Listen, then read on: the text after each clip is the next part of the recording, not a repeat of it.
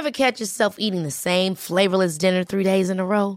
Dreaming of something better? Well, HelloFresh is your guilt-free dream come true, baby. It's me, Gigi Palmer. Let's wake up those taste buds with hot, juicy pecan-crusted chicken or garlic butter shrimp scampi. Mm. Hello Fresh. Stop dreaming of all the delicious possibilities and dig in at HelloFresh.com. Let's get this dinner party started.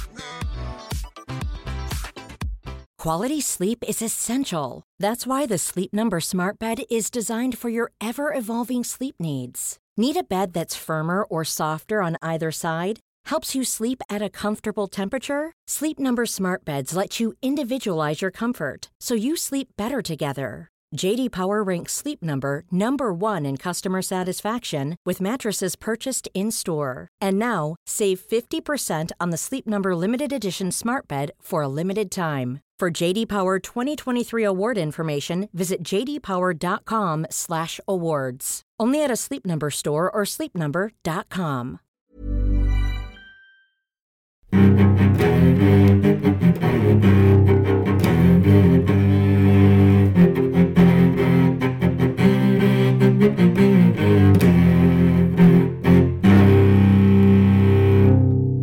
CSR-podden med Åsa Stenborg och Torbjörn Olofsson. Välkomna till CSR-podden där vi ägnar oss åt att fördjupa oss inom ämnet CSR, vad det är för någonting. Och Men det där skulle vi hoppa över. nej, vi sagt. nej, nej, nej, vi måste inte- berätta ja, för den som okej. aldrig har lyssnat på CSR-podden vad det här är Men för någonting. Gör det fort. Eh, vi bjuder in eh, människor som arbetar inom området, folk som har bra åsikter och som vi tycker Men är idag ska vi spännande. inte bjuda in några. Nej, exakt. Idag kommer vi inte bjuda in Nej, några. nej. Och vi som babblar just nu heter Torbjörn Olofsson. Och Åsa Stenborg. Ja. Och det här är säsongsavslutning för våren 2015 va? Ja, den blomstertiden kommer. Nu Ja. har vi gjort en termin, ehm, två terminer och nu stänger vi den här terminen för Just det. poddspelning. Och idag så har vi därför ingen gäst, därför att vi har så mycket att säga så vi hinner inte med att prata med någon gäst, utan vi ska prata själva. Vi kan välla ut Ja. i åsikter och eh, synpunkter. Och temat för dagen är Att leva som man lär är temat för dagen. Vi började med att, att titta på två olika infallsvinklar. Eh, och du Torbjörn har tittat på ett antal individer under temat Vi lever som vi lär. Medan jag kommer komma tillbaka till organisationer. Mm, precis. Och då tänkte jag så här, vi har ju tjatat om det här med misslyckandet, att eh, det finns mycket kraft i att även titta på när man misslyckas. Så att därför så är vi trogen den inriktningen och tittar även på folk som vi kanske inte tycker har varit sådär klockrena i när det gäller eh, att eh, leva som man lär. Det, det första exemplet jag har, han heter Anders Lindström, nu hänger jag ut personer, får man göra det? Ja, absolut. Ja. det är det som är meningen med det här. Eh, SLs vd. Om man, om man bor i Stockholm tror jag inte man har kunnat undgå det som hände i, eh, nu ska vi se vad blev det, i mars någonting va? Där eh, SLs vd åkte fast för snatteri i Hongkong. Han hade stod och tittade på någon eh, exklusiv korthållare i, i en butik innan han skulle flyga hem och eh, sen visade det sig att den hamnade i hans bakficka.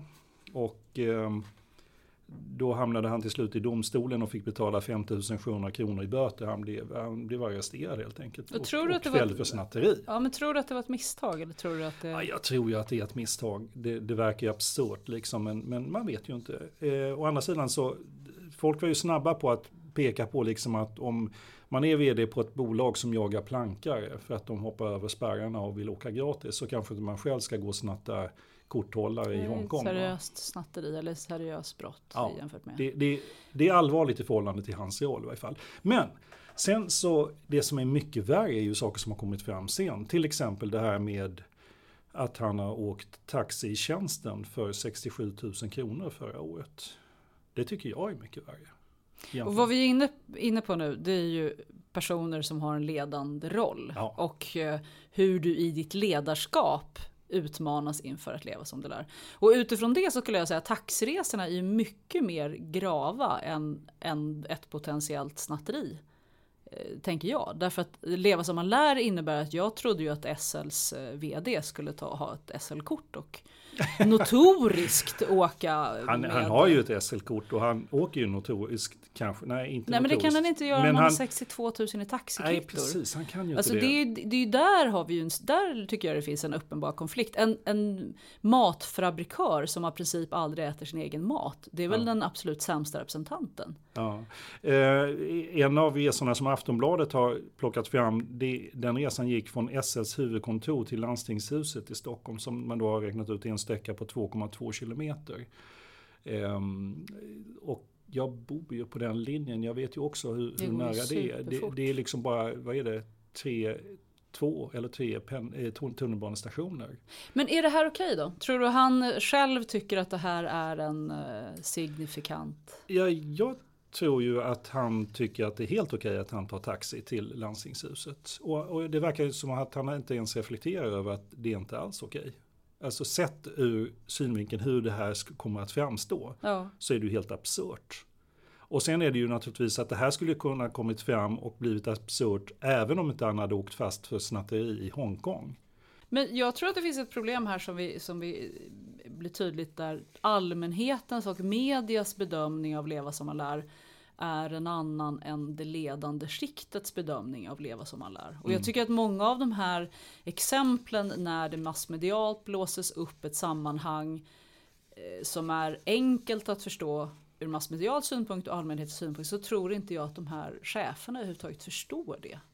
Faktiskt. Jag tror inte ens att de eh, överhuvudtaget förstår att de gjort ett fel. Och varför- För hade de inte det? förstått det? hade de låtit bli. Därför att man lever i en moralbubbla, man lever i en egen bubbla där jag har en rättighet, alla, alla runt mig, de som jag umgås med, alla åker taxi. Varför ska inte jag åka taxi? Och, och då blir det en norm istället och de lever i en annan normvärld. Om jag åker på dyra jaktresor och alla får göra det och man har ett privatplan. Alltså då finns det ju inte, jag, någonstans så tror jag man får jaga efter uppkomsten av den etiska övervägningen här. Och jag tror att den inte uppstår om du inte träffar folk som har en annan som tycker något annorlunda. De här människorna tror jag lever väldigt isolerade. Så egentligen så, så borde han verkligen ha åkt, eh, använt sitt SL-kort och pratat med folk på vägen till landstingshuset med andra ord.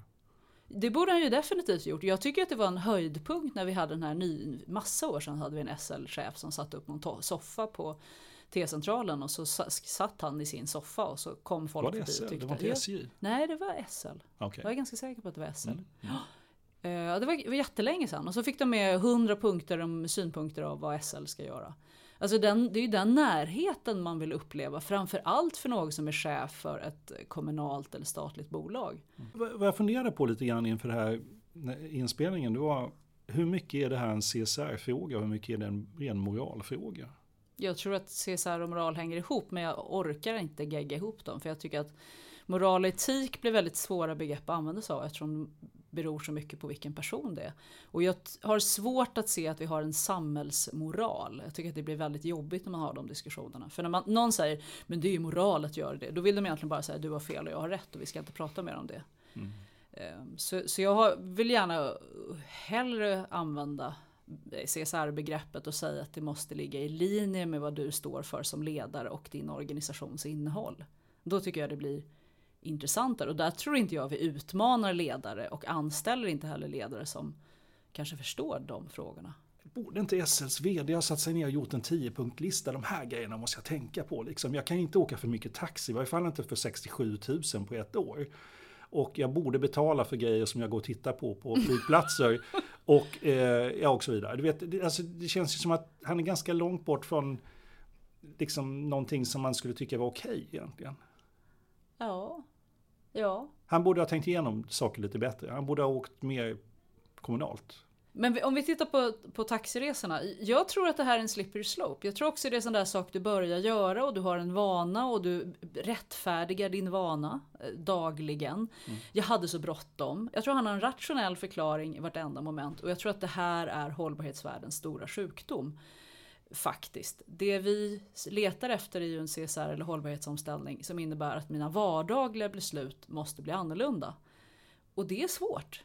Det är jättesvårt. Så han är en bra symbol på att nej, ackumulerat så blir det helt bajs. Det är klart det är superdåligt att, att han gör det. Och jag hoppas verkligen att han har lärt sig av det. och inte gör det igen. Däremot är jag inte så hoppfull. Därför att vi vet ju att vi vet, men att vi inte gör. Jag går vidare. Ja. Jag har några personer till. Eh, apropå leva som man lär. Påven har gått ut och blivit miljökämpe.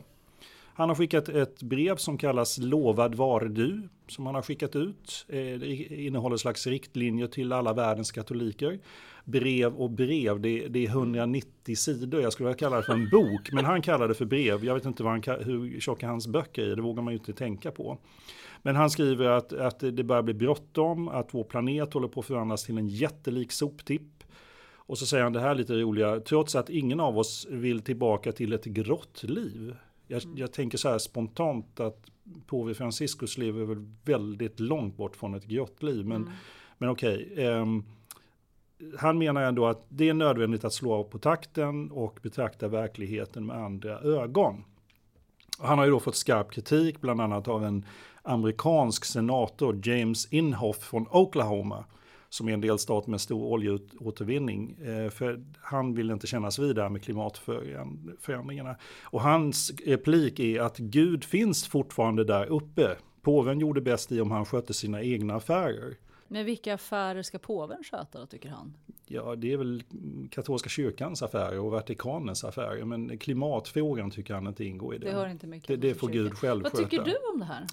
Jag tycker det här är lite absurt det hela därför att eh, han, han är, påven är ju igen liksom, jag, jag får någon slags nidbild av han sitter liksom och blir uppassad i Vatikanen och funderar över miljöfrågan. Jag, jag skulle tycka det, var, det hade varit intressant om han hade gått ut och berättat vilka åtgärder som Vatikanen har gjort för att bli miljövänligare. Mm. Det, det hade varit en, en tydligare bild av att leva som man lär. Så du tycker En- det är hycklande att han inte, eller vad är det du? Det här är ju, man är ute på farlig mark här. Men, men eh, du, nej, typ jag, jag, farlig mark och jag sitter tryggt och tittar på. Eh, Jag är inte säker på att jag vill kalla honom hycklare, men jag, jag tycker att det blir kanske lite mer, om man inte är troende katolik själv så tror jag det är väldigt lätt att betrakta det här i lite löjets skimmer. Men ligger det inte helt i linje med hur Vatikanen och påvarna brukar uttrycka sig? Nej, Jag menar, jag menar det går en bandbull över världen. Alltså, ja, men på det har inte att gått att han åt det skriver här ett- hållet. Jo, men att han skriver ett brev är väl inte så? Nej, nej, Alltså påven kan ju inte skicka ett brev och säga jag har slutat ha sex för, för, Nej, det- som en uppmaning. det förväntar alltså, hans- nej, han men, jag, inte menar, ha, men- han är inte så, jag tror inte att de är så vana med att jobba med exempel. Jag tror att Aha. kyrkan, eller katolska kyrkan och kyrkan har ju en, en uppgift att vara till del andliga och filosofiska.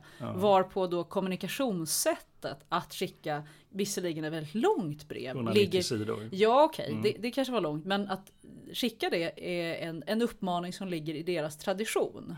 Och att då förvänta sig att säga att men har du klimatkompenserat? Det liksom känns inte som, Mm, han, det han, känns inte så påvligt liksom. Kanske han, han ger sig på finansvärlden också och eh, menar att de är den, eh, de är den, the bad guys här som styr mot kvartalsekonomi med mera. Och han tycker det är djupt oetiskt att man eh, ska rädda banker och, och låta folk betala för det och så. Han, han tar allt över ett bräde här. Nej det är väl inte allt. Det Jo. har väl absolut med saken att göra. Ja. Alltså jag måste säga, jag tycker det är bra. Jag gillar, jag, för första gången så tror jag att jag tror till att börja med att vi som inte är, jag är varken troende eller kategori, katolik, vi kan inte, vi Är underskattar inte det samma sak? Eller? jag är varken tro, jag är inte troende i någonting annat och jag är inte troende katolik. Mm. Det var det jag försökte säga.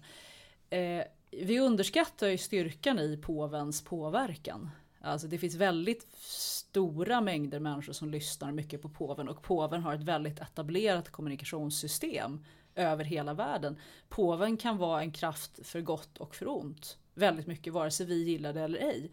Och att vi nu har en påve som väljer e lite egna vägar, det tycker jag är idel positivt. Och att det här påven, givet att han är en franciskanmunk och givet att han lever i en orden av fattigdomsdeklaration, vilket han har gjort också tidigare, säkert inte fattigt fattigt, gör honom till en annorlunda representant. Jag, jag tycker det är vågat, jag tycker det är positivt. Och, och varför kritisera någon som gör, kommer med ett helt korrekt och bra budskap? Det är ju bara att jubla, Okej. Säger jag då. Eh, man säger ju också i rapporteringen om det här att det är ju ingen slump att det här brevet kommer just nu. Eh, därför att eh, Inför i- Inför. Pariskonferensen. Man ska ha klimatkonferens i Paris i slutet av året. Och eh, påven ska också prata i FN så småningom och då kommer han att ha ett grönt budskap tror man. Och tror du att om Dalai Lama hade kommit med samma, men skrivit det lite kortare brev, hade du suttit och varit gladare då? Jag är inte icke-glad för det här. Jag bara undrar hur man ska ställa sig till det. Jag, och, och du var ju väldigt positiv. Ja, jag det. var ju roligt. Jag är nog mer så här lite förvirrad över det hela. Alltså, kyrkan kan ju, det, det är svårt också att säga vad ska kyrkan göra och inte göra. Och i ett väldigt troende samhälle så kan ju kyrkan ha väldigt, eller har ju kyrkan väldigt stor påverkan på en hel liv och livsstil. Den svenska kyrkan har ju en utmaning att påverka alls. Och jag tycker svenska kyrkan ibland har vågat sticka ut halsen. Eh, Både när det gäller eh, främlingsfientlighet och när det gäller eh, klimatfrågan. Tycker jag de har vågat. Och jag tror att de måste göra det mycket mer för att vara relevanta i tiden. Om man nu återvänder till det här begreppet leva som man lär då. Mm. Och så påven och hans 190-sidiga brev här och uppmanar efterföljarna att de ska leva mer miljövänligt och banna finansbranschen för att de eh, driver oss mot undergången. Hur, hur, vad kan man dra för slutsatser när det gäller leva som man lär i förhållande till påven där? Ja, det är ju svårt. Jag skulle ju säga att där den katolska kyrkan har haft en mycket större beef med leva som man lär, det är ju att utnyttja mm, små barn sexuellt. Där har man ju haft en enorm, det är ju totalt kontra sin eget, sitt eget kärleksbudskap som är absurt. Det är ju en jättestor skandal. Det var Att- kanske det som eh, senatorn menade med att sköta sina egna affärer. Ja, jag vet inte, däremot att kyrkan går ut och, och säger vi ska vara miljösmarta och måste ha en annan livsstil. Jag tror, tycker ju inte att kyrkan jag tror att katolska kyrkan reser väl en hel del inom sin egen organisation men jag tror inte att de är stora eh, konsumister av saker och ting. Så jag tror att skulle vi titta på klimateffekten av kyrkan skulle inte den vara jättestor. Sen har ju de säkert, nu blir jag omställningskonsult här, men de har säkert väldigt stora energiavtryck i sina lokaler som är stora och blåsiga och sånt där. Men nej, jag, jag tycker att de har en trovärdighet. Så de borde göra ordentlig energiöversyn av alla sina kyrkor. Det, det var det som var din slutsats. Gör de det så är jag nöjd sen. Okej, ett- ytterligare ett exempel. Tredje exempel som är mycket svårare och som man kommer att ha mycket mer åsikter om. Eh, Det är Margot Wallström och Saudi-affären. Eh, om man har missat Saudi-krisen, då vet jag inte om man har varit i Sverige i varje fall under januari våren. till mars. Därför att det var i stort sett konstant på löpsedlarna. Och en var det hit och en var det dit. Och att gå igenom hela affären och skeendet skulle ta liksom resten av tiden och vi skulle nog inte hinna igenom det ändå. Så man får liksom göra lite nedslag i det. Men vad jag var ute efter var slutsatsen att om, om jag tittar på Margot Wallströms agerande i affären och vad hon har sagt och gjort så tycker jag hon har levt som hon lär. Och hon har tagit med sig väldigt mycket av sitt värderingspaket från tidigare insatser hon har gjort för FN. Och, Så du, så. nu, vill du hylla någon? Ja, jag vill hylla Margot. Jag tycker ändå att, att hon har stått pall. Sen så vill jag, jag vet inte, hon kanske inte har agerat helt rätt i allting när det gäller de diplomatiska tajmingen och när hon gjorde vad. Men vad det handlar om är ju egentligen eh, att vi har haft ett militärt samarbetsavtal med Saudiarabien sedan 2005 är det va? Eh, och att det var aktuellt att förnya det eh, nu. Och då har man velat få besked från eh, andra partierna. Hur ställde sig Socialdemokraterna, eller ja, sittande regeringen till att hur man skulle hantera det avtalet. Och det har man väl inte hanterat på bästa sätt i att berätta hur man skulle göra det. Utan man lät i stort sett spekulationerna komma igång. Eh, och samtidigt så hände det här med att eh, en bloggare blev arresterad nere i Saudiarabien och dömdes till 10 000 piskrapp. Och höll på att stryka med redan efter de 50 första. Och sen så har hela världen varit i opposition och... eh, Var det verkligen 10 000 han skulle Nej, tusen. Ja, tänkte jag. Tu, sa jag 10 000? Nej, det vet jag inte. Nej, kanske bara- tusen ja, piskrapp. ja. Och han fick 50 till att börja med och, och liksom läkarna har stoppat det efter det. Och då har eh, Margot uttalade sig i samband med det om att hon tyckte att eh, landet hade närmast medeltida lagar och eh, även eh, förtryck av kvinnor och så vidare. Och då kopplar man ihop allt det här med, med pågående resonemangen om avtalen. Och ehm, man, från vissa håll så har man även låtit påskina att det här var ett angrepp på islam. Vilket Margot har gått ut ganska tydligt och starkt och sagt att hon absolut aldrig har pratat om islam. Utan hon pratar om Saudiarabiens tolkning i, i den lagstiftning och de regler som man har i det landet. Och hon har i alla fall gjort väldigt stor skillnad på det. Hon är väldigt tydlig med att hon har gjort stor skillnad på det. Men man har ändå, eh, hon råkade ändå ut för att eh, för över 50 arabstater gick samman och eh, stoppade hennes tal i ett internationellt sammanhang som hon var inbjuden till på grund av hennes uttalande. Det här var under tiden som vi spelade in uh, intervjun med Bengt också som är CSR-ambassadör. Just det. Och han var ju i det närmaste lite smygupphetsad för att han, han fick ju nyheter om det här i fickan tror jag under tiden som vi pratade så? med honom. Ja, Jaha. för han var har ni inte hört, har ni inte hört? Så det var precis de, i de dagarna Ja. som vi hade kontakt med honom. Det är en spännande del i det hela är att ett gäng eh, svenska företagsledare på toppnivå blev så oroliga för att det här avtalet inte skulle gå, eh, förnyas att man skrev en debattartikel som eh, gick i DN med rubriken Sveriges trovärdighet som handelspartner står på spel. Och det är ett helt gäng. Eh, det är ska säga, 31 svenska näringslivsföreträdare. Och det är ju absoluta toppen av svenska näringslivet som har skrivit under det. Eh, och där man egentligen e- en del, dels så, det finns många saker att säga om det här. Och en, en sak kan man ju säga att det är ett märkligt att man ingenstans nämner att det är ett militärt samarbetsavtal. Utan man får då låta som ett handelsavtal i största allmänhet, men det är det ju inte. Och det är ju det är hotbilden av att det skulle störa svensk handel. Ja. Man förstör svenska goda ryktet av att man är en öppen och positivt järkar för positiva demokratiska bla bla bla. Ja. Via sitt företagande. Bla bla bla. Bland annat så säger, skriver man så här, jag läser exakt ur den här debattartikeln. Nu ställs frågan om Sveriges avtal med Saudiarabien ensidigt ska sägas upp som en reaktion på bristande mänskliga rättigheter för den saudiska befolkningen. Det är precis det som Margot Wallström var ute och eh, pratade om. Vi menar att det är fe- fel väg att gå. Mot bakgrund att vi känner handelns påverkan på samhällsutvecklingen och att vi vet att dialog och stärkta relationer är en positiv kraft. Det är därför man inte vill säga upp avtalet. Men du, kan, du, du har liksom nördat ner dig i det här. Du var, helt, Ja, du, du var, lite, du, du var inne i Margot-världen när jag pratade med dig i telefon häromdagen. Ja. Och, och tyckte, vad, vad, om vi tittar på Margot Wallströms ledarskap. Mm. Vad, vad är det hon har gjort? Va- Varför blev det så här stort? Vad drar du för slutsatser? du menar att jag ska göra en utrikespolitisk Ja, eh, analys av ja, Margot Wallströms beteende? Jag tycker det är jättesvårt att göra och det är väldigt många människor som jag respekterar som har haft också åsikten att hon inte har skött det här särskilt bra. Mm. Och jag kan tänka mig det att som diplomat så kanske hon inte har agerat i typiskt svensk diplomatisk anda. För att den är väl kanske inte riktigt att gå ut och ta så tydlig ställning som hon har gjort i det här fallet. Jag tror hon är väldigt färgad av sina år i FN då hon hade mer agendan att gå ut och ta ställning mot olika saker. Och eh, det är möjligt att inte svenska diplomatin passar henne på samma sätt. När hon egentligen kanske borde uttryckt sig lite luddigt så ingen riktigt förstod vad hon pratade om så var hon väldigt tydlig och klar. Som jag uppfattade Men, det. men egentligen två reflektioner då. Att det kändes ju som att det här kom i ett väldigt tidigt skede med en ny regering.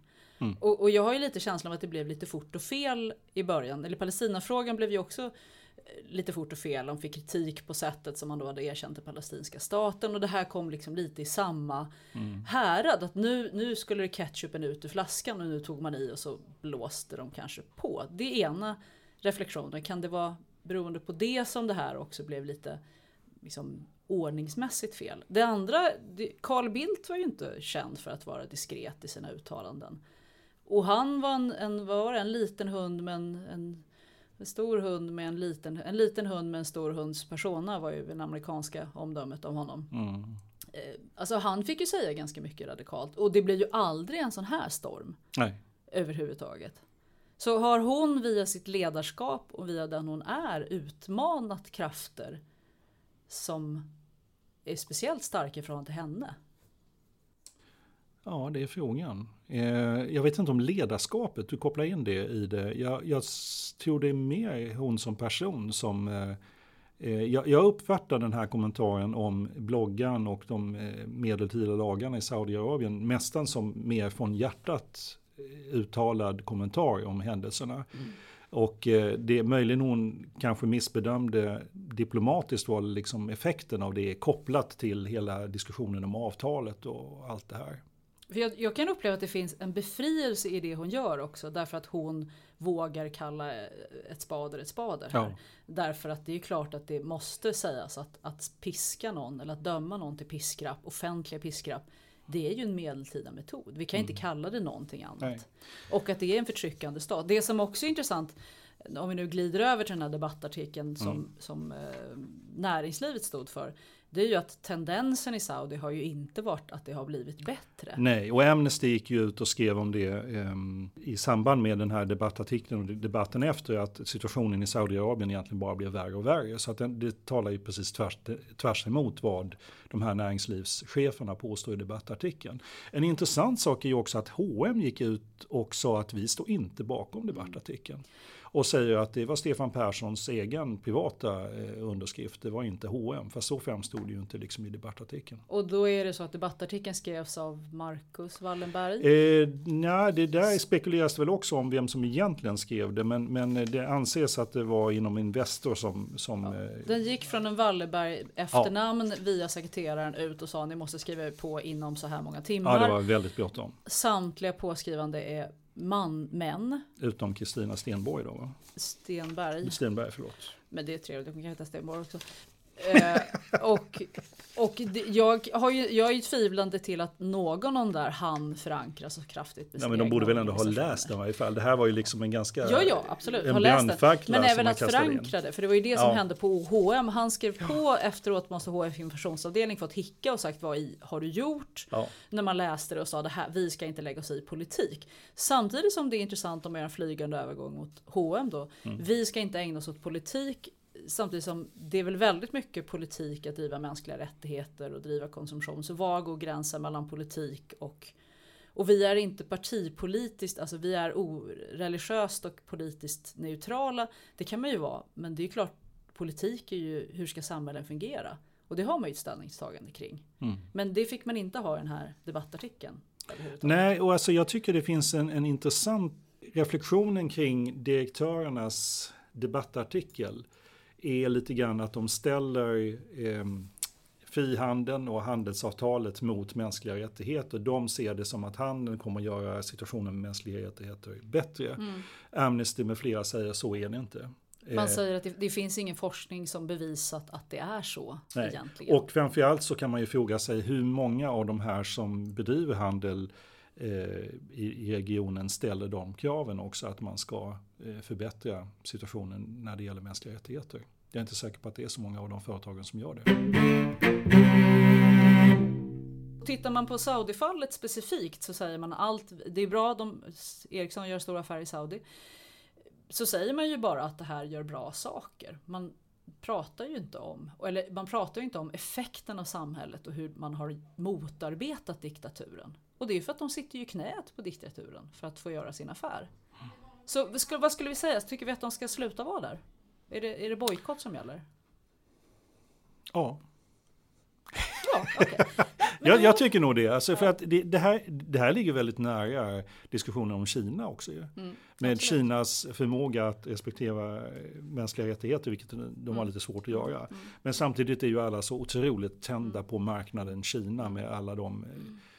miljoners miljoners mm. kunder det innebär. Så att man är beredd att sätta sig över liksom sin syn på mänskliga rättigheter egentligen. Eller man säger så här, ja fast det kommer nog med tiden. Om man får arbeta med att öppna upp samhället så kommer också respekten för de mänskliga rättigheterna. Ja, det, det är liksom en tålmodighet in till idioti. Mm. Där, om man verkligen på allvar ska tro på den saken. Så jag, jag kopplar ju tillbaka till när Bengt E Johansson som var CSR-ambassadör pratade om det. För han pratade ju mycket om Kina-perspektivet. Och, och det man vet som är den extremt ömma skon där, det är ju rätten till att organisera sig. Och, och egentligen borde ju alla som tar ILO-konventionerna på allvar lämna Kina. Mm. Men det är ju väldigt få som vågar göra det. Jag har till och med senaste veckan hört, ja vi var ju tvungna utforma våra inhandl- upphandlingskrav så att vi även kunde handla från Kina, för annars hade det ju inte gått. Ja men vänta nu här, är det inte så att vi ska ha upphandlingskrav för att vi inte ska handla från de som, där problemet finns? Och är det lagom många som verkligen säger nej men vi ska inte handla med, med dem där problemet finns. Så kommer marknaden påverkas. Då kommer marknaden påverkas. Är vi, är vi hårda och svarta och vita nu? Eller? Ja, jag tror vi är det. Och jag tror många skulle idiotförklara oss utifrån det här med synen på exportmarknaden och skaka på ut och säga ni begriper ingenting hur exportmarknaden funkar. Det funkar inte på det här sättet. Man kan inte gå in i förhandlingar och säga att ni måste göra det här och det här och det här. Sen kan vi göra affärer. Utan man börjar göra affärer, man börjar upparbeta relationer. Sen kan man börja ta de här frågorna. Men det jag har invändning mot är att det där sen kan vi börja ta tag i de där frågorna är väldigt osynligt. Och, och jag, man får väldigt få bevis på att det verkligen är på det sättet. Och i Saudiarabien, absolut inte.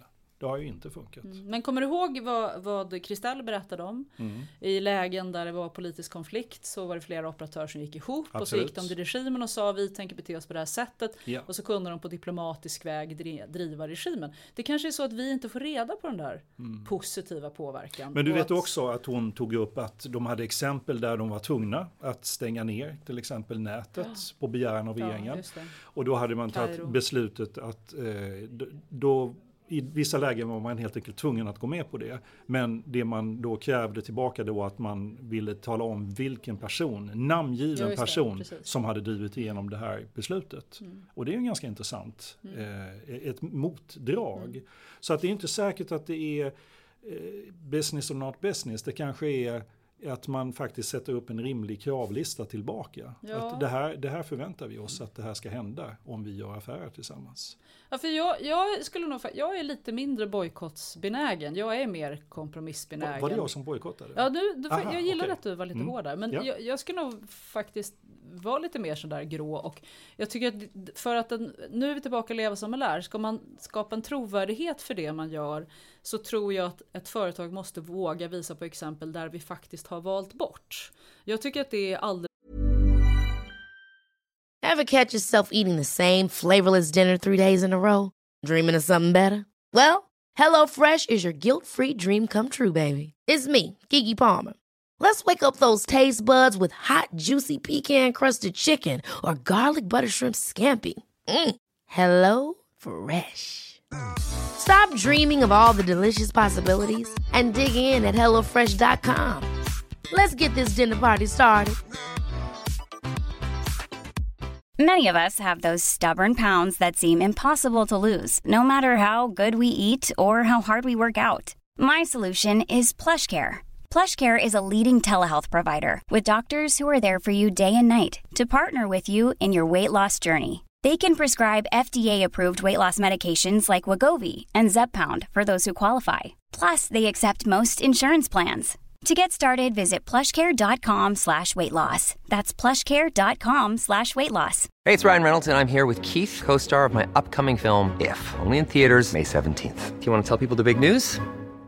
All right, I'll do it. Sign up now and you'll get unlimited for $15 a month in six months of Paramount Plus Essential Plan on us. Mintmobile.com slash switch. Upfront payment of $45 equivalent to $15 per month. Unlimited over 40 gigabytes per month. Face lower speeds. Videos at 480p. Active Mint customers by 531.24 get six months of Paramount Plus Essential Plan. Auto renews after six months. Offer ends May 31st, 2024. Separate Paramount Plus registration required. Terms and conditions apply if rated PG. För osynligt i årsrapporter. Jag skulle vilja ha en överskrift som sa Vi har fått ett erbjudande att göra affärer med de här och de här och de här och det har vi valt att inte göra. Det hade varit en transparens jag hade tyckt varit ljuvlig. Det hade också kunnat leda till att x antal människor fick sparken för att de inte hade tillvaratagit affärsmöjligheterna i och för sig. Så att, Du menar internt Ja. att Ja men det tror inte jag. jag. Jag tror att det händer men jag tror att man inte vågar kommunicera det. Eh, Men jag tror faktiskt på allvar att det händer. Och jag har varit inblandad i lägen där jag har hört historier inifrån där vi sa här valde vi att inte vara med för vi såg att riskbilden var för hög. Eh, Men det är ingenting man väljer att, att prata om utåt. För att det blir för radikalt ställningstagande är man nog rädd. Eh, och förstör relationerna kanske framåt. Men, men, och sen tycker jag samtidigt att, att eh, jag tycker att Sydafrika och apartheidregimen eh, som ekonom brukar jag säga att man måste välja när man mäter ett resultat. Och, och jag tycker att eh, den diskussionen som har uppstått efter Sydafrika angående bojkott eller inte har varit intressant. Därför att under en period så var de som var kvar de stora bovarna och under nästa period så var de vinnarna. Därför att de var kvar och satte väldigt tydliga krav på hur de själva skulle bete sig.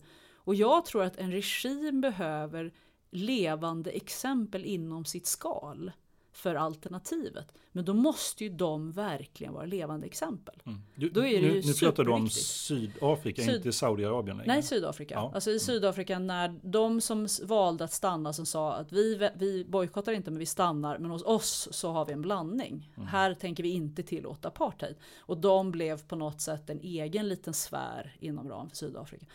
De blev ju vinnarna sen. Jag tycker att det är en svår fråga. Jag tycker inte att det är så lätt. Men jag tycker att det finns, en väldigt, det finns för stor vaghet kring de här frågorna. Reglerna och hur du gör dem måste vara tydligare. Jag ska också faktiskt välja att, att eh, först eh, ta ett positivt exempel.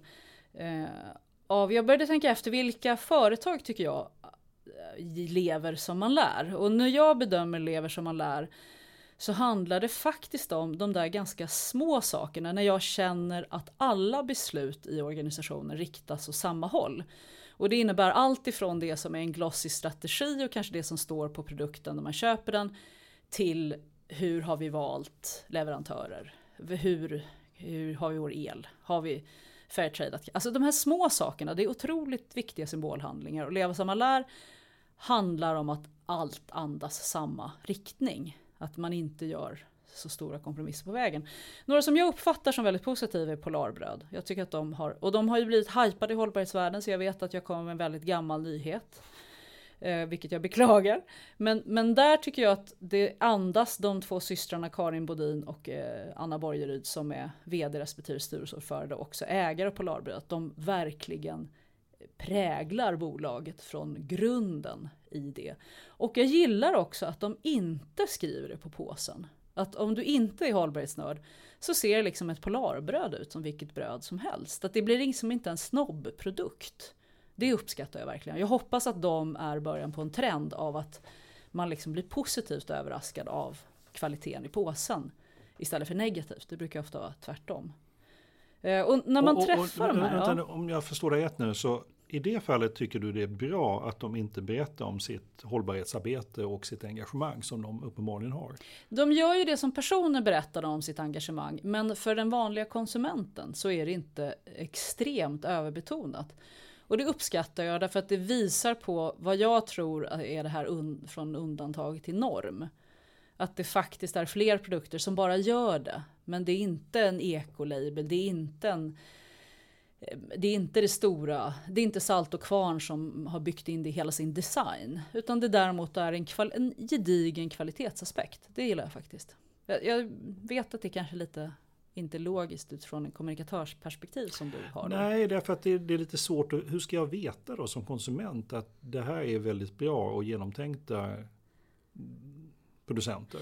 Du får veta på det om du tittar på det, men det, det, det framhävs inte mer än brödet, om vi säger så. Okej. Och, och jag, jag tycker att det finns skillnad, om jag menar att Salt och Kvarn gör väldigt bra saker, men det är liksom hela deras själ, det bygger på det. Mm. Det finns eh, Ma- Kung Markatt, alltså det, man vet att det här är varumärken som står för någon sorts innehåll. Alltså för det här är intressant därför att jag har stått och, och funderat över samma sak när det gäller till exempel Löfbergs Lila kaffe. Jag, jag köper Löfbergs Lila kaffe och det gjorde- började jag faktiskt göra efter att jag förstod att de var oerhört eh, långt fram och väldigt duktiga på det när det gäller hållbarhetssidan och ansvarstagande. Innan dess drack jag Evalia. Eh, Vi antecknar alla. här. ja, eller hur? Tack Torbjörn.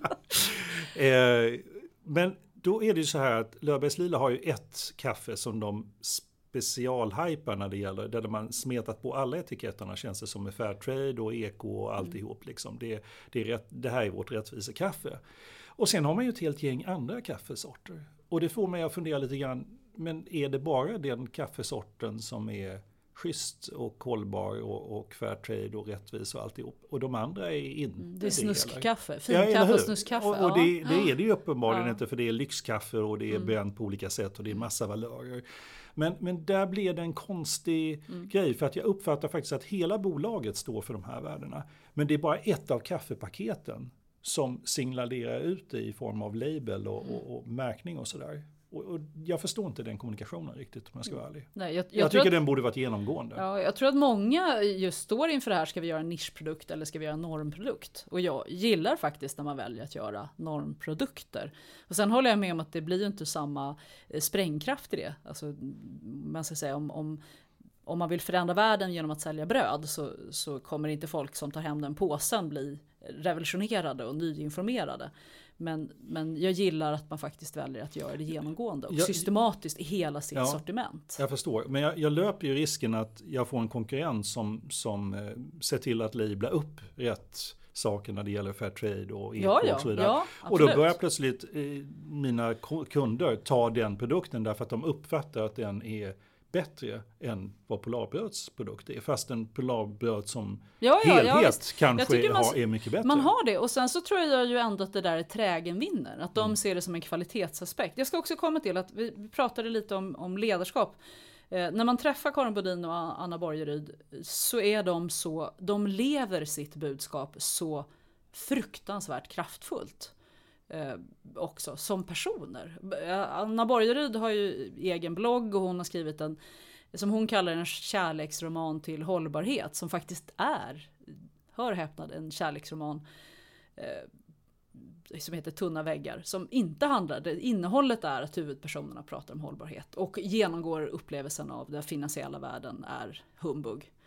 Jättebra informationsarbete, kanske inte litterära kvaliteter, lämnar jag lite, men de lever det fullt ut och verkar verkligen Men vet jag det som konsument när jag står där och ska ta på Nej, det vet du antagligen inte om du inte är en nörd som jag. Men jag tror ju att den attityden och den, den eh, gedigenheten i att leva som alert, det är verkligen en del av mitt DNA. Det Mm. tror jag vinner i längden. Så jag tror att till sist kommer du och jag och alla andra tvinga oss att köpa Polarbröd. Jag ska det, gå ner och dissa någonting också. Mm. Nu, nu kommer jag till min mindre Dissdelen. Eh, mindre positiva genomläsning. Eh, dels ska jag passa på att hylla en, en man som är i det närmaste galen som har kommit på att han ska driva just eh, etiska investeringar eller investeringar mot eh, fossilfria investeringar. En privatperson i Göteborg som är ingenjör i grunden. Jag ska faktiskt inte säga hans namn, därför han veta vem han själv är. Han genomgick en aha-upplevelse som eh, kvalitetsarbetare inom, inom som kvalitetsingenjör eh, eh, inom mjukvaruutveckling. Fattade klimateffekten och sa jag kan ju inte hålla på och jobba med det här längre. Jag måste ju förändra världen. Det, han ringde mig för ett år sedan och han förändrar fortfarande världen. Han har ställt om sin familj. Han ringer till alla, alla, och då menar jag verkligen alla som han tror han kan påverka till att inte jobba med fossil eh, med fossila investeringar. Finansvärlden har han gett sig på, från noll. Och blir ett namn och har en indirekt påverkan som jag tror är signifikant men ingen pekar ut honom. Därför att alla tycker han är en ganska jobbig snubbe tror jag. Helt tokig men en fantastisk människa. Honom pratade jag med igår, vi pratar lite då och då. Så frågade jag vad ska jag prata om som elev som man lär? Och då tipsade han mig om Röda Korsets eh, investeringsdirektiv. Eh, tittar man på Röda Korset så kommer runt 20% av deras årliga intäkter från medel som de investerar. Dels i räntebärande papper och dels i aktier. I deras investeringsdirektiv, och det här är inte ovanligt om du tittar på de ideella organisationerna. Jag googlade även fram dels Rädda Barnen och blev även försedd med eh, Hjärt och lungcancerfonden. Alla de här har ju arv och medel de har samlat in som sen ligger och förräntar sig. Men det här är en signifikant intäkt för dem och därmed viktiga pengar att titta på. Läser man då i årsberättelsen, vilket jag gjorde i Röda Korsets årsberättelse 2014, så säger de då att placeringspolicy innehåller etiska placeringsregler med restriktioner avseende bland annat vapen och produktion av pornografi. För SRK, Svenska Röda Korset, är det av stor betydelse att uppnå en jämn och förutsägbar utdelning av medel från finansiella investeringar. Vi har en sån viktig verksamhet så vi måste få investera var som helst. Det är det. Och det återkommer det här, vi måste ha en jämn och god avkastning. Röda Korset lever tror jag i illusionen att investerar man i någonting som är framtidsdrivande, då kommer man förlora på det. Det är en illusion, så den kan vi tycka att det är tråkigt. I samma stycke, på samma sida, så säger de också framtida utveckling, så pratar de lite om omvärlden. Och då finns det stycken som säger Med stor sannolikhet kommer extrema väder på grund av klimatförändring att öka antalet katastrofer och deras effekter ytterligare under kommande år. Röda Korset jobbar med flyktingströmmar och stora katastrofer, naturkatastrofer av olika sorter. Men man investerar fortfarande i fossila källor. Hmm. Man har inte tagit det här sin egen verksamhet i, sina, e- i 20% av sin egen omsättning eller i sin egen avkastning. Jättemärkligt. Jätteintressant. Och det här tycker jag är ett strålande exempel på jag lever inte alls som jag lär. Överhuvudtaget. Här har man inte låtit sitt, egen, sitt eget kall genomsyra. Det man har gått på det är att man har gått på de traditionella icke så kallade etiska investeringar. Det vill säga porr, vapen, tobak och vad det nu är som man brukar ta. Mm. Vilket är liksom väldigt, väldigt, väldigt förlegat. Och utifrån tror jag en rädsla av att oj, oj, oj, är jag lite innovativ så kommer det inte gå lika bra. Men det är ju en stor illusion. Det finns ju ett smörgåsbord att investera i. Så varför vågar man inte välja bort? Läser man vidare då, vilket jag gjorde, eh, roligt att ha en liten nia här, så, så gör ju Rädda Barnen ungefär samma sak. Man säger nej till samma sak. Deras rapport eller deras eh, kapitalförvaltningsdirektiv är lite roligare att läsa. Den är lite mer så här tal och man förstår lite mindre men det, liksom, det ser lite mer sofistikerat ut. Mm. De som sticker ut, det är hjärt och lungfonden. Där har man i alla fall gått in och sagt att vi har de traditionella, det vill säga porr, vapen, tobak, absolut tobak, vi är ju hjärt och lungfonden. Och sen socker också. Mm. Så här har man lyckats säga att men det här förstår vi att det är inte bra. Mm. Så här har man blivit lite, lite innovativ. Så man, så man investerar inte i några livsmedel som har ett överskott av socker? Ska jag tolka det så eller? Hjärt och lungfonden investerar inte i företagsgrupper där den huvudsakliga delen av omsättningen kommer från produktion av socker och produkter som innehåller socker, mer än 20% sockerinnehåll. Oj. Mm. Det är intressant. Ja. Så här har, man liksom, här har man börjat ta det steget. Samtidigt då, det ligger inte i min natur att vara nöjd, så jag satt och liksom tog nästa så här. Vad, och funderade så här, hjärt och lungfonden. Ha, mm. lunga, det är ju såklart tobak och rökning. Här har vi en koppling som är jätteklockren. Och där verkar de också ha en väldigt uppriktig attityd att tobak måste vi ta bort. Men det är ju väldigt orevolutionerande att göra det nu eftersom alla gör det. Mm. Men hjärtproblem, det är ju övervikt, stress, högt blodtryck, kolesterol. Man går inte på fett överhuvudtaget. Jag funderar på vad är det som skapar stress i vårt samhälle? Borde de, borde de sluta investera i livsstilsmagasin? Ja men det känns ju nästan som när du räknar upp det där så kan de ju knappt placera i någonting till slut eller? Nej men på något sätt borde det ju ändå vara intressant att de, att de ändå, de några borde ju kunna se vad kan stress bero på. Ja. De borde kunna titta på företags, alltså nöjd medarbetarindex och säga vi investerar inte i företag som har nöjd medarbetarindex under vad det nu är för någonting. Men det alltså, har ju de flesta. Men blir det inte helt orimliga investeringspolicies? Liksom? Varför det? Ja, jag bara undrar liksom, vad, vad finns det kvar till slut? Då? Alltså, då får du fram, här har vi tio kanonföretag. Aj då, ett företag där var inte medarbetarna tillräckligt nöjda så det kunde vi inte investera i. Och här var det för många som har blivit sjukskrivna under en tioårsperiod och så vidare. Så att Ja, det... Men det perspektivet du har, ja. och, och, det här är ju en diskussion om inställning. Hur stor är aktiemarknaden? Hur mm. stort mm. utbud finns det egentligen på aktiemarknaden? Jag vill ju hävda att det finns väldigt många olika sorters bolag mm. att investera i. Eller väldigt olika former att investera i. Mm. Och jag tror att vad vi idag tar bort, det är ju någon enstaka procent eller promille av marknaden. Det vill säga vi har gråat ut det som är allra värst. Och till på köpet är inte jag heller helt säker på att porr överhuvudtaget är dåligt varken för hjärtan eller lungorna. Mm. Jag tror att mer sex hade varit superbra för hjärtverksamheten. Så, och det gör man väl för att man inte kan producera porr. Fast nu pratar vi om den bolagiserade formen av det för sig. Ja, alltså, så att porrindustrin behöver ju inte vara exakt samma sak som att nej, folk har mer eller mindre sex. Ja, det borde väl relateras ah, i okay, bästa fall. Okay. Mm. Ja, i alla fall. Det behöver vi inte fördjupa oss i. Nej, för det ska man inte prata om. Men det är kanske tillverkningsformerna som är negativa också. Så det kan man ju ha respekt för. Men samtidigt finns det ju andra saker som vi tillverkar där vi vet att riskerna för att tillverkning i Kina, vi vet att de inte kan organisera sig. Vi vet att det är väldigt små sannolikheter för det. Mm. Men det vågar vi inte ta ställning emot. Så vi är tillbaka på det här, vad är korrekt att tycka och vad är inte korrekt att tycka? Och borde vi inte se nästa steg i den här lilla, lilla gruppen som man exkluderar? Och borde inte de ideella organisationerna gå i bräschen för detta? De som verkligen äger frågan om en positiv samhällsutveckling i någon form. Och är det inte sorgligt att Röda Korset inte vågar ta bort fossila bränslen ur sina investeringar? Svenska kyrkan har gjort det. Det har inte de här gjort. Flera kommuner är på väg att göra det. Här, här lever man inte som man lär. Mm. Avsaknad av ledarskap. Du, får jag koppla lite till att det har ju varit en diskussion nu inför att AP-fonderna ska få eh, nya investeringsriktlinjer.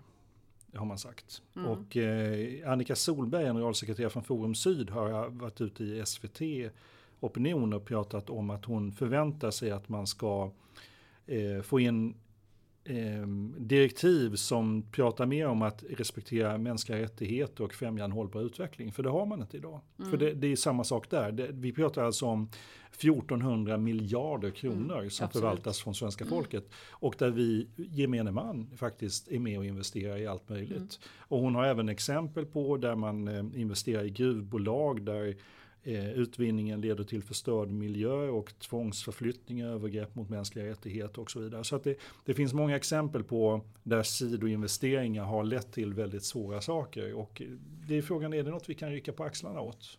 Och Att säga att de- ja, fast det är ju några andra som är satta att förvalta mina pensionspengar, det kan ju inte jag göra någonting åt. Du menar att vi borde tycka om det? Eller att Ja, det är borde en- vi inte det? Jag tycker att, att man gör det och att det redan, att inte förrän nu ställs det kravet. Jag är tillbaka på när vi pratade med George Kell som Mm. väldigt tydligt pekade på att finansbranschen har varit en väldigt alltså, historiskt en väldigt långsam utveckling och det är den indirekta påverkan som inte har belysts. Hela miljölagstiftningen och jag tror att stora bitar av även den sociala lagstiftningen har ju legat på verksamheter som har varit väldigt smutsiga. Tittar du på hela innehållet egentligen i, i ledningssystem så handlar det om att bedöma dina direkta miljöpåverkan och din direkta påverkan. Och där har ju hela finansindustrin ett problem för att deras direkta påverkan är hur många pappersutskrifter har vi. Vilket är en relativt liten påverkan i förhållande till vad de skapar förutsättningar för. Hur lever du som du lär? Eh, jag, jag vet inte vad det är jag lär till att börja med. Men hur, hur, tycker, hur har... För jag, min erfarenhet av, av hållbarhetsarbete i stort är att det finns... Det här är väldigt likt förändringsarbete i vilken form som helst. Men det finns en sak som skiljer sig åt och det är att när man pratar om hållbarhet på ett företag, även om man bara pratar om företaget, så kommer folk väldigt snabbt börja prata om sin sopsortering, om man har tagit bilen till jobbet. Det blir en personlig fråga. Och nu har vi pratat om ledare som leder organisationer, så i sitt kall hur överstå. Men vi som även jobbar med de här frågorna dagligen, de som vi har intervjuat, är de människor som har en livsstil som är mer hållbar? Vad tror du? Mm. Ja, jag tror att många av dem är det. Jag tror att många av dem är väldigt genomtänkta och tittar även på detaljerna. Um, sen tänker jag också så här att det där beror lite grann också på vilka förutsättningar man har att, att uh, leva hållbart och miljövänligt och alltihop. Jag bor mitt inne i stan och jag behöver inte bil till exempel. Så jag kan ju liksom slå mig för bröstet och säga att jag har ingen bil. Jag delar bil i bilpool när jag behöver så åker jag mest kommunalt. Men det är väl ingen happenhet att hamna i där? Det, vi, vi formar väl våra liv efter Fast jag, det var ju inte så att jag flyttade in till mitten av stan bara för att jag skulle leva mer hållbart. Det, Men- var, det var ju mer omständigheterna som gjorde det. Och sen så efter att ha flyttat runt bilen på olika städgator under tre månader så sålde jag den och så hade vi ingen bil längre. Så att det, ibland så kan det också bli så att det, det, man kan leva miljövänligare hävdar jag om man bor som vi gör mitt i city och liksom har allting tillgängligt. Men det kanske är svårare om jag bor långt ut på landsbygden och måste åka väldigt Men långt. du beskriver ju livet som det är en ad hoc-händelse. Och jag, om, Ja. om den här frågan är viktig för mig, Mm. alltså, givet att den här är viktig i min profession, så behöver väl jag tänka kring var jag sätter upp mina bopålar. Så då menar, jag, då menar du så här att jag, då skulle jag undvika att bo i eh, någon liten håla ute i landet eh, till förmån för att bo mitt inne i stan för det är mer hållbart att bo inne i stadsmiljö. Nej, jag tycker inte alltid det, jag tycker att det är en illusion. Jag tror att man kan bo, må, ha väldigt hållbart på landet. För Mm. det är inte bara hållbarhet, är ju inte bara bilen eller inte bilen. Det är ju vad bilen drivs av, vilka förutsättningar man har att fylla sin bil. Men jag, jag vill också mena att vi är faktiskt lite kaptener av vårt liv. Mm. Och, och jag tror att de som sitter och säger men innerstan är så bra för vi är så hållbara. Men vi glömmer ju att allting vi äter och, och soporna vi gör transporteras fram och tillbaka. Så jag är ju beroende av enorma nät av transporter. Absolut. Givet att jag konsumerar dem inte direkt men indirekt har jag en stor konsumtion av det. Så att jag, tror man ska, jag tror att det finns en snobbism av storstäderna. Mm. Och jag tror ju ändå att vi behöver tänka, och jag är ju krass kring, när jag begär att ett bolag ska tänka kring investeringar. När man byter teknisk plattform så kan man tänka kring hur man, hur, var, var man, vart man rör sig. Så att säga, vi, under samtalet med Tim Guy-Brooks på Lego så återgav han det här stora steget man tagit att investera i ett vindkraftverk. Därför att man såg att i en förlängning så är det, finns det ett värde för oss att vara självförsörjande på grön el. Det är ju ett beundransvärt steg och det handlar ju om att när vi gör stora investeringar så måste vi ännu mer tänka på hållbarhetsaspekterna. Och jag terroriserar ju mig själv med att göra samma sak. Att när vi flyttar, när vi köper bil så vill jag ju skruva hårdare på hållbarhetsaspekterna och tänker mycket mer kring dem. För annars känns det som jag praktiserar ju inte alls vad jag, vad jag... Och sen är jag absolut inget ideal. Men jag vet ju vad jag gör fel. Så vad gör du fel Torbjörn? Nu ska vi ha så här biktstund. Är det biktstund? Ja, nu är det biktstund. Vad är dina um, största hållbarhetsdilemman? Mm, resandet. Resandet? Absolut. På vilket sätt? Hur ja, jag tycker det är, ett, det, är ett, eh, det är någonting att fundera på. Därför att jag reser nog mer nu än vad jag gjort någonsin tidigare. Det beror lite grann på min familjesituation att jag kan resa på ett helt annat sätt. Eh, men samtidigt så är jag ju också väldigt medveten om att de, många av de resor jag gör är ju allt annat än hållbara. Jag, jag tror jag slog rekord förra året när jag både åkte till Tanzania och Peru samma år. Inte å tjänstens vägnar utan helt privat. Ehm, och jag menar, det är klart att det blir lite ihåligt om man sitter och har en massa åsikter om vad hållbart resande är för någonting och vad man borde göra och inte borde göra och så vidare. Ehm, jag, jag, tycker det är en svår avvägning. För att samtidigt så tycker jag det är positivt att vi är ute och rör oss i världen och, och träffar andra kulturer och umgås mm. med andra människor. Det vore ju förödande om vi blev stansatta i vårt eget hemland. Men någonstans så är vi ju på väg mot en fullständigt ohållbar situation när det gäller resandet. Och resandet triggas ju också till att bli mer och mer och billigare och billigare. Eh, och, och det, är inte, det kommer inte funka över tid. Mm. Så måste vi alla backa bort från det där. Liksom, mm. Tror jag. Mm. Det blir någon slags eh, motbok för resande och jag kommer att svära över den lika mycket som alla andra. Mm. Jag skulle säga om man, om man vill, nu kommer vi till hängmattetipsen här. Eh, när vi gick det spåret så gick jag in på Naturvårdsverkets eh, hemsida där man kan titta en, en rapport som heter Hållbara konsumtionsmönster. Den ska jag rekommendera som hängmatteläsning. Jag skulle möjligtvis gnöla över att de har gjort hållbara konsumtionsmönster samma sak som klimatsmarta konsumtionsmönster. Det tycker inte jag är riktigt samma sak. Eh, det är en väldigt förenklad bild av hållbarhet. Men där kan man just läsa och där pekar man just på de stora bovarna resor, boende och mat. Vad vi äter. Så när jag ska göra min hållbarhetsbekännelse så är ju, och jag tror att det viktiga är faktiskt, en viktig aspekt är att vi är medvetna om dem. Och sen måste vi fundera på när orkar jag förändra dem? Alltså vilket steg tar jag förändra dem? Och mitt miljösamvete är väldigt mycket våra två hundar. Mm. Som äter ett och ett halvt kilo rått kött per dag kött är en, en hållbarhets och miljöbov av dimension. De äter för sig restprodukter. Det är så att jag försökte vara snäll mot dem och säga, Äter de vom liksom, då kan ju inte det...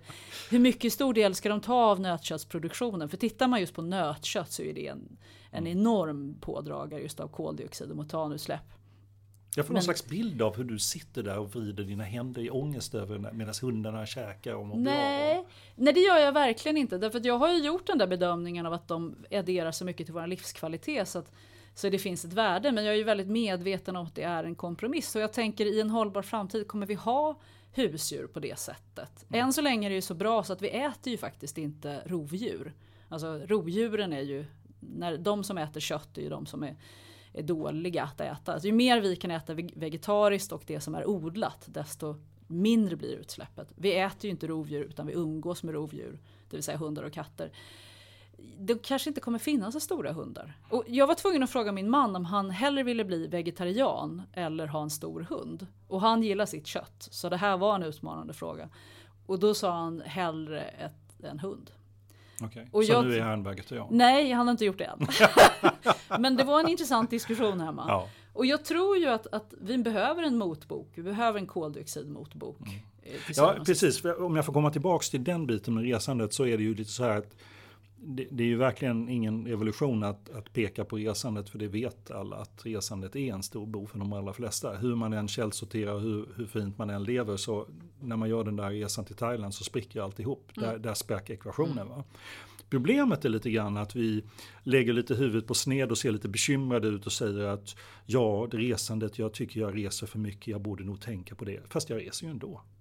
Så det är lite grann att vi borde ha kakan och äter den ändå. Ja, alltså vi, att, vi, visar att vi har lite ja. dåligt samvete över det, fast så åkte vi iväg ändå. Ja. Utom att jag måste faktiskt, resandet för mig har blivit svårare att göra med tiden. Och jag var tvungen att eh, med gott inflytande från en god vän, Elinor Eke, så åkte vi till, till Lissabon med tåg. Det tog väldigt lång tid, men det var en upplevelse av resandet mm. blev mycket tuffare. Du, ni åkte till? Ja, vi åkte till och vi åkte men, flyg hem. Just det. Ja. Och, ja. Men jag känner också, jag måste, man måste få fira de små stegen. Ja.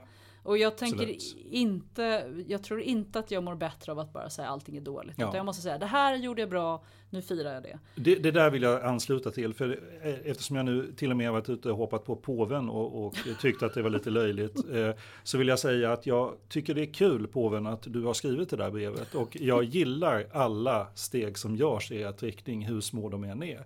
För det är väldigt lätt också att när man har satt sig in i och läst väldigt mycket om hållbarhet, att man föraktar de små första stegen och tycker att eh, företaget som yvs över att de har skaffat en, en returstation i köket är löjliga för att det lämnade vi för rätt många decennier sedan. Men det är deras första steg. Mm. Så då får man vara uppmuntrande och säga skitbra, kör vidare på den linjen. Mm. Ja men det håller jag med om. Jag ska också lägga till ett till rasten när du säger resan är det stora problemet. Vi har pratat om maten är det stora problemet. Eh, enstaka köpta gods är också det stora problemet. De prylar vi köper och den koldioxidutsläppet som genereras i andra länder av den konsumtionen vi har, det går fortfarande uppåt.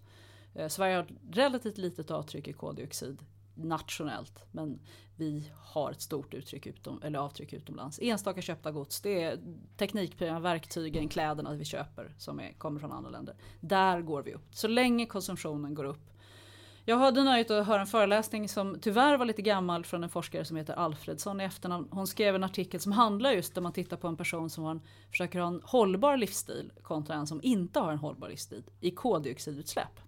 Det här var ögonöppnare för mig för att vad hon såg det var att om du börjar spara på maten, du äter mindre kött alltså, och du börjar hushålla med vad du gör, alltså du blir för en medveten livsstil. Vad som också händer det är att jag börjar spara pengar. Jag får pengar över.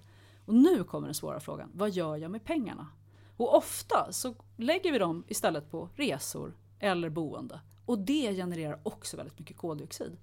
Så att den stora boven i dramat, det är faktiskt när vi konsumerar överhuvudtaget. Högre lön, högre utsläpp. Och hon skrattade lite och sa, efter ett tag tänkte jag att min granne som bara åt pizza och åkte taxi jämt, han hade ju mindre avtryck än vad jag hade. För en taxitjänst är en väldigt bra tjänst för det är så lite utsläpp kontra hur mycket service det är.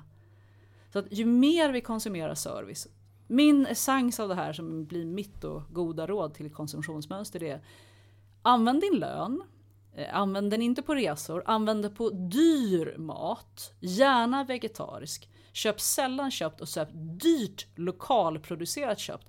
Tro inte att allt som är lokalproducerat är bra, utan köp allt med märkningar.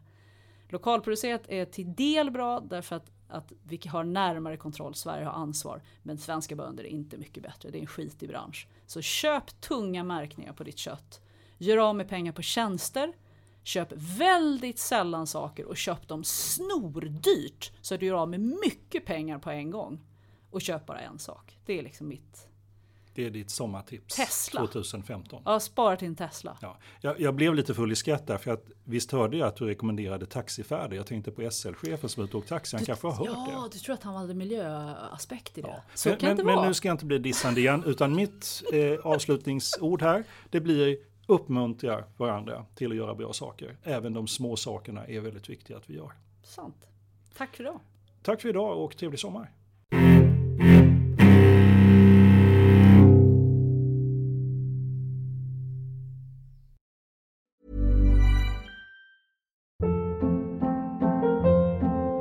Hold up. What was that? Boring. No flavor. That was as bad as those leftovers you ate all week. Kiki Palmer here, and it's time to say hello to something fresh and guilt-free. Hello Fresh. Jazz up dinner with pecan-crusted chicken or garlic butter shrimp scampi. Now that's music to my mouth. Hello Fresh. Let's get this dinner party started. Discover all the delicious possibilities at hellofresh.com.